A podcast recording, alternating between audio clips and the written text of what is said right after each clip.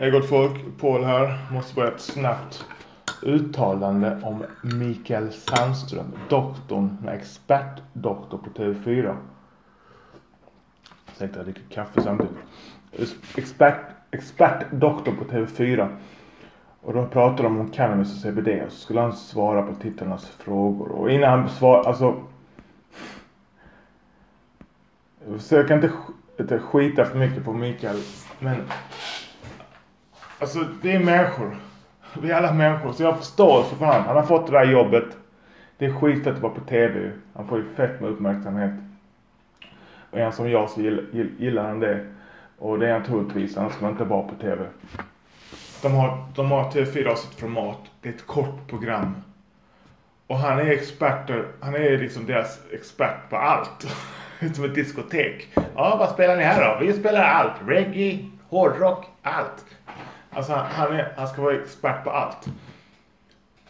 Och är han en sjukt driven människa, en fanatiskt driven människa som verkligen har passion och är extremt nyfiken. Då kanske det hade funkat. Inte att han blir så här fullfjättrad expert på allt, men han ändå kan sätta sig in i ämnet. Men han, men han verkar ha, noll, ha noll medvetenhet. Om det, alltså om, om sig själv. Så han, jag, jag, tror bara, jag tror bara det handlar om att han har, han har ett jobb. Och han vill behålla det jobbet. Han har liksom, eh, heter det, amortering, alltså han har ett hus och han har prylar, barn. Du ska, vet, det, är mycket som, det är mycket som ska bäras. Kan inte riskera det där, det där jobb, eh, riskera sitt jobb.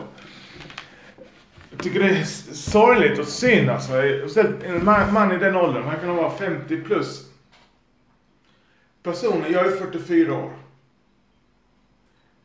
Hur jag tjänar mina pengar är mycket viktigare än hur mycket jag tjänar.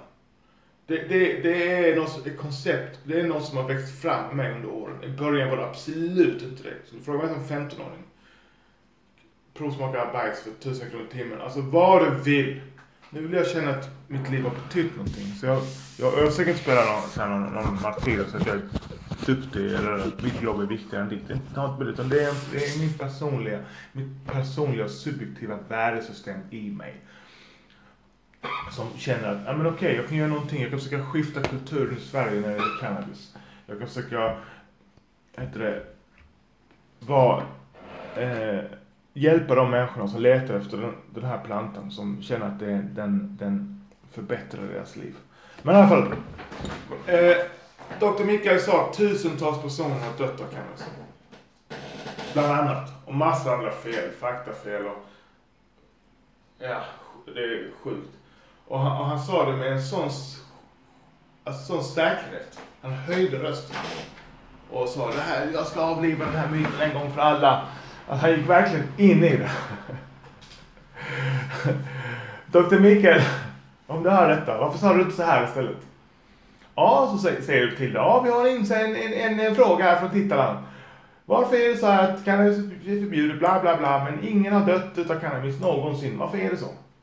Istället för att gå in liksom med hull och hår och bara, ah, bara liksom bita dig ner vid, vid, din, vid din åsikt. Och bara, och bara ja, det är, jag ska avliva myten. Tusentals personer har dött och det är inte sant och det, man, man, man bygger upp toxiner, alltså man får gifter i sig i hjärtat och lungorna. Istället för att säga det. Så här kunde du ha sagt. Ah, intressant fråga till det. Eh, det verkar som eh, det folk förutsätter att han, har, att han har läst på dagen innan i alla fall. Inte bara på tunnelbanan dit eller i bilen. Utan då kunde han sagt så här, något i stil med att jag, jag vet inte. Han kunde börjat med det. Jag vet inte om man kan dö av cannabis. För givetvis, han vet inte. För det är något sånt där sjukt, 50 gånger sin egen vikt eller något sånt där man ska få i sig inom en viss tid för att kunna överdosera. Och det är helt omöjligt. Det är tekniskt omöjligt som människa att göra det. Så jag kunde börja besvara svaret med att säga att jag vet inte. Vad fan är det för fel på att säga att jag inte vet?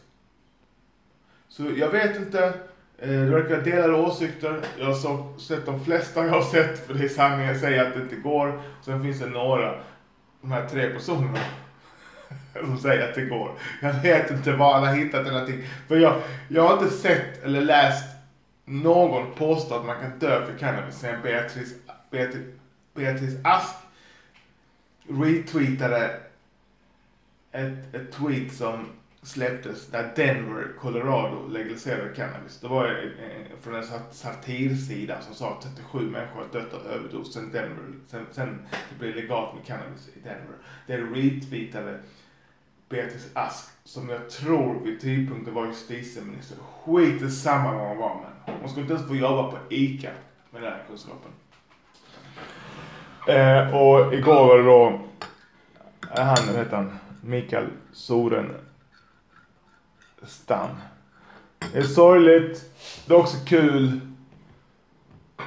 Jag bryr mig inte heller faktiskt. Alltså just nu bryr jag mig inte. Fuck him, fuck TV4, fuck det formatet också. Med reklam och brott och så vidare. Det är, det är ett utdöende format.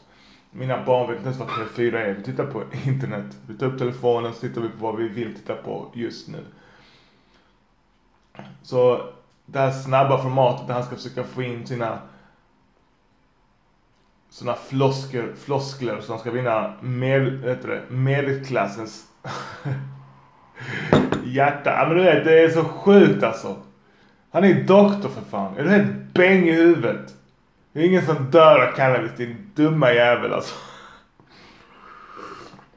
Ja, ja, ja han är knäpp fan. Men skitsamma. Gör din grej, jag gör min grej. Legalize cannabis. Vi fortsätter kämpa. Vi försöker verkligen skifta kulturen i Sverige när det kommer till cannabis.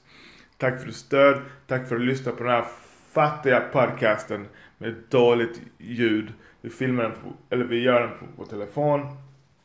Vi kommer få upp kvaliteten. Vi letar efter någon som kan hjälpa oss och förse oss med en studio som kan editera och sköta hela den tekniska biten. Givetvis mot betalning. Vi har inte hittat någon än. För, ja. Men så länge får du, så kommer det låta så här. ja, ha en underbar dag min vän.